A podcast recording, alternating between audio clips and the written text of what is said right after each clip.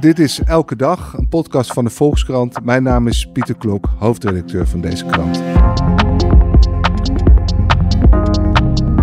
Tot opluchting van Palestijnen in Gaza duurt het staakt het vuren een paar dagen langer dan aanvankelijk gepland.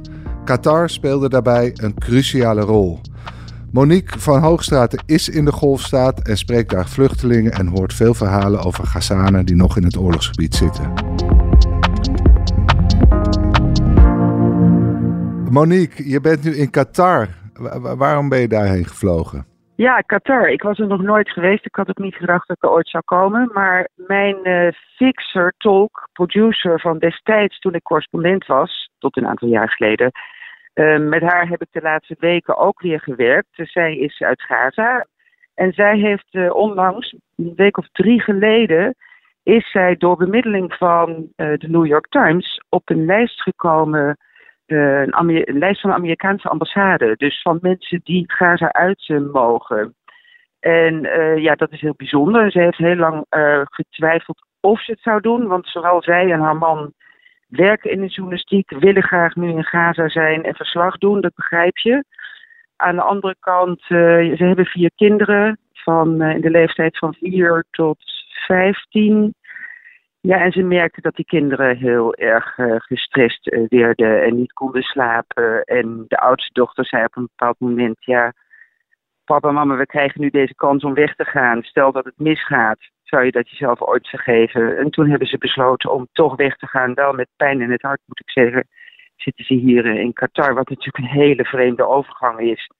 Ik ben zelf was nog nooit eerder in Qatar. Ik kijk mijn ogen uit. Ja, we kennen de beelden natuurlijk wel. Het is ongelooflijk luxe en rijk. Ze hebben een appartement gekregen uh, van de regering. Um, wat uh, vijf keer zo groot is als hun huis in Gaza was. En um, ja, ze zitten toch ook wel in een soort isolatie hier natuurlijk. Um, ze hebben wel voortdurend contact met mensen in Gaza. Dat is eigenlijk waar ze de hele dag mee bezig zijn. Maar tegelijk zijn ze ook uh, ja, ver weg en is dat voor hun ook frustrerend Terwijl ze natuurlijk tegelijk blij zijn dat de kinderen veilig zijn. Dus dat is een heel gemengd gevoel. Ja, want hoe zijn ze dan uiteindelijk uit Gaza gegaan? Ook via die grensovergang naar Egypte? Ja, precies. Er is maar één manier eh, waarop je Gaza uit kan. En dat is met de grensovergang met Egypte bij Rafah. Er waren ook een aantal Nederlandse Palestijnen of Palestijnse Nederlanders. Er zitten er trouwens nog steeds een aantal in Gaza. Maar een aantal zijn natuurlijk ook al teruggekomen naar Nederland. En die hebben dezelfde route afgelegd. Dus je gaat aan het zuiden van Gaza bij Rafah de grens over. En aan de andere kant uh, staat er dan een, uh, een, vertegenwoordiging van de ambassade. Die verder ervoor moet zorgen dat jij uh, ja, niet te lang in Egypte blijft. Want dat mag niet. Ik geloof 72 uur mogen ze daar zijn. ja, en dat ze dan naar het land van bestemming gaan. En de New York Times heeft Qatar bereid gevonden om, om hen op te vangen. Uh, dat is ook, uh, komt ook door uh, ervaringen die ze in het verleden hebben gehad in Afghanistan bijvoorbeeld. Toen hebben ze ook, het geval van Kabul, hebben ze heel veel lokale journalisten ook in veiligheid gebracht. En ze zijn toen ook allemaal in Qatar terechtgekomen. Dus daarom hier, maar ze zitten nu hier op een soort ja, tijdelijk toeristenvisum. En het is allemaal nog ontzettend onduidelijk wat hun toekomst is en waar die ligt. Ja, maar in principe konden dus alleen uh, uh, Palestijnen met een andere nationaliteit uh, de Gaza-strook verlaten. Plus een aantal die op voorspraak van de Amerikaanse ambassade werden aangewezen. Ja, precies. En dat is natuurlijk nog steeds gaande. Want er zitten nog steeds mensen met dubbele nationaliteit en ook mensen die best weg willen. Dus ja, iedereen zal proberen op zijn of haar manier. Als je ja, goede contacten hebt, je hebt het geluk in dit geval hadden zij dan het geluk dat ze voor de New York Times werkt. En die hebben een heel leger aan advocaten. Daar zullen wij bij de Volkskrant misschien van opkijken. Die werken aan dit soort zaken. Om iedereen die met de New York Times heeft samengewerkt in veiligheid eh, te brengen of te houden. Als het nodig is, eh, doen zij dat. Ja, ook freelancers dus. Hè? Want zij werkt freelance eh, voor hen. Maar um, ja, zover gaan zij. Dat is op zich al heel interessant. Ja, en, en heeft Amira, jouw fixer, heeft hij nou tot het laatste moment in eigen huis gewoond of was ze al eerder naar het zuiden gevlucht? Nee, zij was al naar het zuiden gevlucht. Ze waren eerst in een hotel. Uh, daar werd toen gebombardeerd rondom dat hotel. Toen zijn ze via huis nog even toch naar het zuiden gevlucht. En daar hebben ze een tijd moeten zoeken naar onderkomen. Eerst uh, kwamen ze bij iemand terecht in uh, Rafah. Daar zouden ze kunnen blijven, maar zij vertelde toen die man zag hoeveel equipment, hoe zeg je dat, uh, ze bij zich hadden, fototoestellen, cameraman, camera, camera's en dergelijke. Had hij zoiets van, nou ik weet niet of dit wel veilig is om jullie hier te herbergen met journalisten, weet je het maar nooit. Er, worden, er komen er ook heel veel om. Mensen denken in Gaza dat journalisten echt een, een, een doelwit zijn. Dus ze vertelde ook, mensen blijven graag liever wat uit de buurt van journalisten. Uiteindelijk zijn ze in een tentenkamp terechtgekomen van de UNRWA. En vanuit dat tentenkamp zijn ze uh, uiteindelijk de grens overgegaan. Er zijn heel veel dingen, uh, realiseer ik me nu ook, nu ik hier in Qatar ben. En net gaf zij een lezing voor studenten hier op deze faculteit. Of althans, ze werd geïnterviewd. En dat hele publiek is um, ja, de Palestijnen toegenegen. Dat, dat is hier in Qatar. En het is ook wel een internationaal publiek wat hier zit op de universiteit, maar toch veel uit omliggende landen, uit het Midden-Oosten, uit uh, Noordoost-Afrika. Ja, die dragen de Palestijnen een warm hart toe. En dat merk je ook uh, in zo'n uh, bijeenkomst. Ja, het is vanuit ons perspectief gekleurd zoals het voor hen ook gekleurd is als ze naar ons zouden kijken. Er kwam op een gegeven moment een vraag uit de zaal van iemand die zei van, maar Amira, je werkt heel veel voor westerse media. Ben je er wel van bewust dat zij maar wat doen met jouw materiaal? Want heel veel dingen mogen daar niet worden uitgezonden en worden verteld.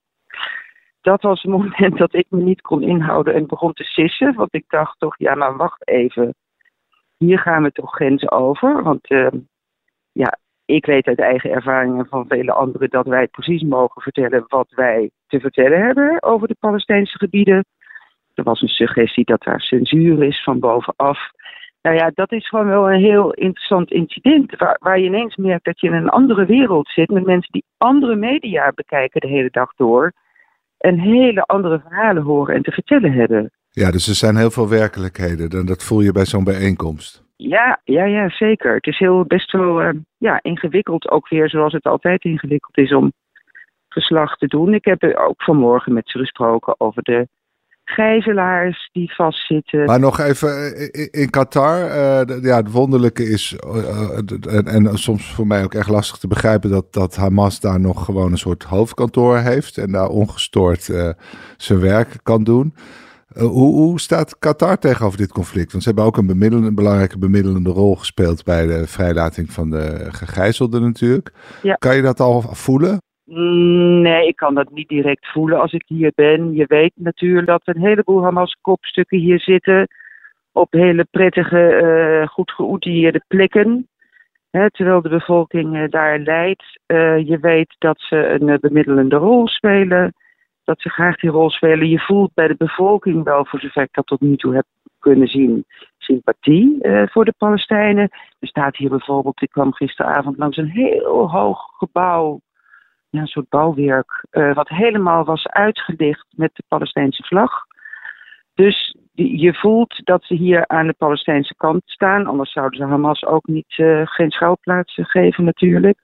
Maar tegelijk dus wel die bemiddelende rol. Ik zou niet zo goed weten hoe ik dat politiek moet duiden. Kijk, de wereld, de wereld waar jij het nu over hebt, dat is de westerse wereld. Hè? De internationale wereld, wat wij de internationale wereld noemen, is het Westen. En er is een hele andere internationale wereld, en dat is de hele Arabische wereld, de golfstaten. Dus ook dat is wel weer een kwestie van perspectief. Als je zegt of je afvraagt, uh, oefent de wereld druk uit om Hamas uit te leveren? dat zal misschien gebeuren, dat zou ik niet kunnen, kunnen beoordelen, weet ik niet. Maar ze krijgen ook heel veel steun van de landen hier. En natuurlijk, er zijn er ook een aantal landen, zoals Egypte en zo, die veel minder moeten hebben van Hamas. Maar iedereen steunt wel de Palestijnse zaak. Of dat nou met of zonder Hamas is. Ja, jij probeert al vanaf het begin uh, voor ons contact te maken met mensen in Gaza. En uh, Amira was daar lange tijd ook een, uh, een, belangrijke bron. Is het nu nog mogelijk om een duidelijk beeld te krijgen van de situatie daar? Ja, de laatste dagen vond ik het heel erg lastig. Ik weet, je weet nooit precies waardoor dat komt. Maar ik, ik, ik heb nog zeker nog contacten daar. maar ik merk dan dat ik een bericht stuur en dan drie dagen later een antwoord krijg.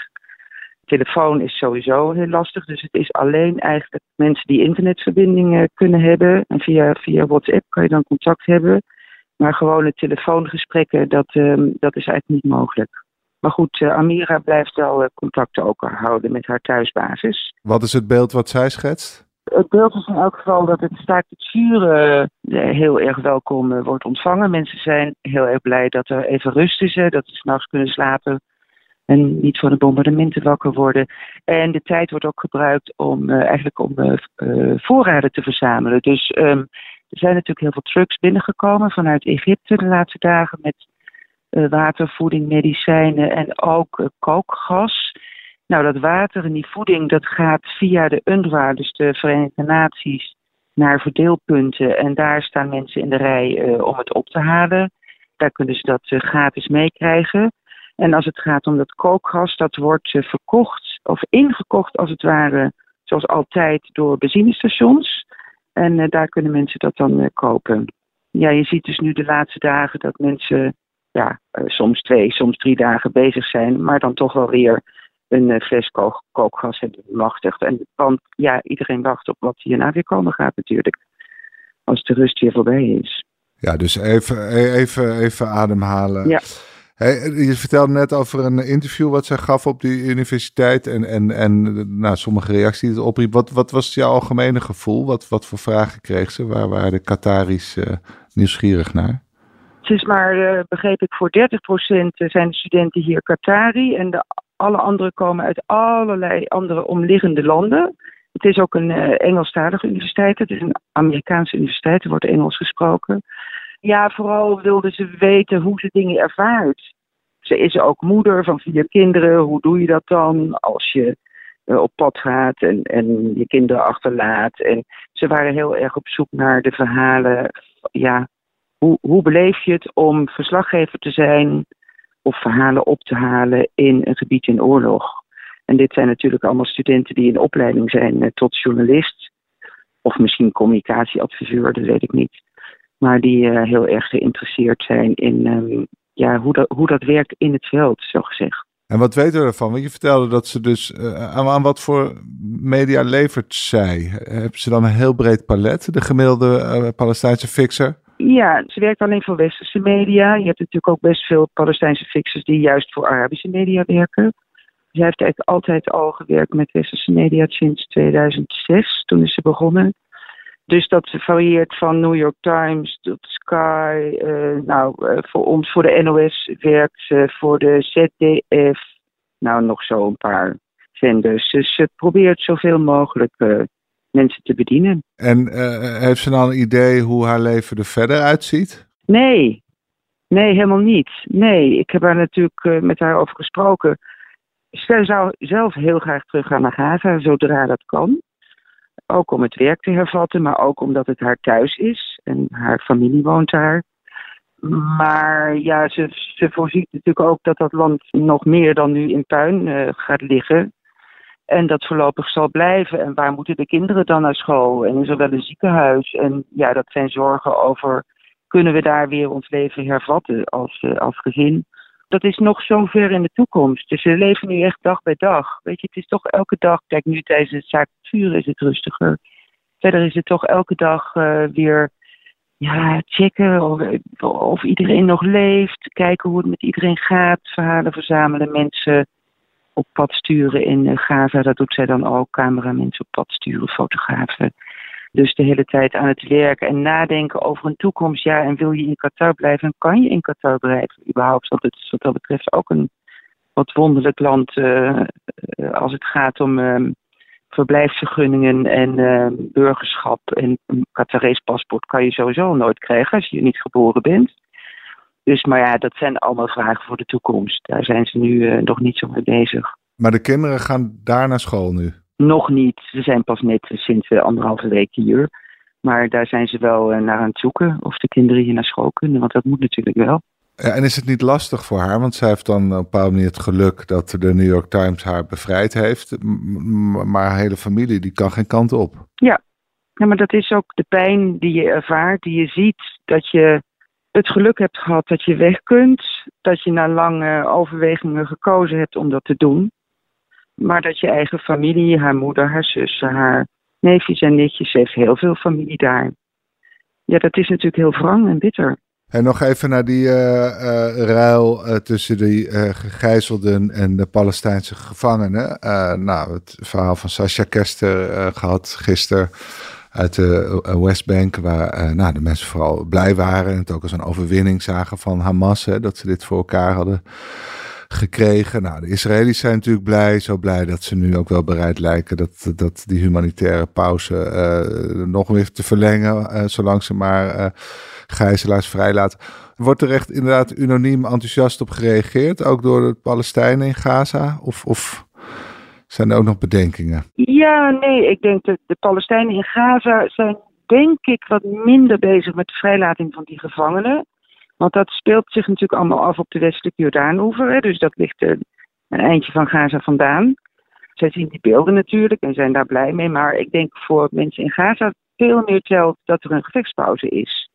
En dat ze dus, eh, nou ja, wat ik net vertelde, dat ze even hun leven weer kunnen, kunnen oppakken en ja, een beetje kunnen uitrusten voordat de volgende ronde begint. Dus ja, ik denk ook zij zijn net als Palestijnen op de Westbank en als Israëliërs. Ik geloof dat iedereen hier baat bij heeft op dit moment. Er zijn natuurlijk wel wat extreemrechtse figuren in Israël die, uh, ja, die dit schandelijk vinden. Maar goed, die heb, je, die heb je altijd. Maar ik denk dat in in grote lijn iedereen ja, dit wel als een, als een positieve ontwikkeling ziet. Hoewel iedereen ook wel beseft dat het een tijdelijke, tijdelijke verlichting is. En aan de Israëlische kant, kijk, als deze uh, gijzelaars vrij zijn, dan zitten er nog steeds heel veel vast. Uh, het is nog niet gedaan. Ik denk dat de oorlog is ook nog lang niet uh, voorbij, want Israël heeft nu een soort van controle over het noordelijke stuk van de Gazastrook en Gazastad. Maar het hele zuidelijke deel is nog niet onder Israëlische controle. En ja, Hamas uh, zit daar gewoon. Ik hoorde net een verhaal over. Um, ja, bijvoorbeeld de politie van Hamas loopt daar gewoon, gewoon rond om hun werk te doen. Dat is dan niet verkeersboetes, maar wel bijvoorbeeld zien ze toe op de uitdeling van de voorraden, het water en de uh, en het voedsel. En letten ze erop dat, nou ja, ook dat mensen er niet vandoor gaan met een heleboel spullen. Er is natuurlijk ook wel diefstal hè, voor mensen die ehm, meer willen. Dus die politie bijvoorbeeld functioneert gewoon nog. Het ministerie van Binnenlandse Zaken functioneert ook nog op een bepaalde manier. Dus wat dat betreft is Israël natuurlijk ook nog lang niet klaar met, met wat zij beogen. Dus um, ja, na deze gevechtspauze kan je er tenzij er hele andere dingen gebeuren die ik niet voorzie, zou ik er toch van uitgaan dat ze um, hun missie willen volbrengen. En dat ze daar nog niet mee klaar zijn. We hebben het in een van de vorige uitzendingen wel eens gehad over de steun van de Palestijnen voor Hamas. Hè? En toen legde hij eigenlijk uit dat, dat lang niet alle Palestijnen blij zijn met de manier waarop ze opereren. Uh, heeft Amira daar nog grip op gekregen hoe dat nu is? Kunnen ze nog op meer steun rekenen of juist minder? Nou, ja, daar hebben we het toevallig ook over gehad. Zij zegt dat, dat, dat de steun eh, toch wel aanmerkelijk gegroeid is. En dat komt volgens haar, en ik denk dat dat wel kan kloppen. Uh, mensen zien nu dat, of hebben het gevoel dat zij als Palestijnen worden aangevallen. Dus ze hebben in vorige oorlogen, die werden gevoerd tegen Hamas. Dus dan werden gebouwen van Hamas gebombardeerd met precisiebombardementen. Nu wordt er natuurlijk heel erg ruim uh, gebombardeerd. Dus mensen staan samen op tegen Israël. Want ze denken, dit gaat helemaal niet om Hamas uit te schakelen. Dit gaat om ons allemaal te doden. Dat is het sentiment. En bijvoorbeeld, ze vertelde over um, handelslieden.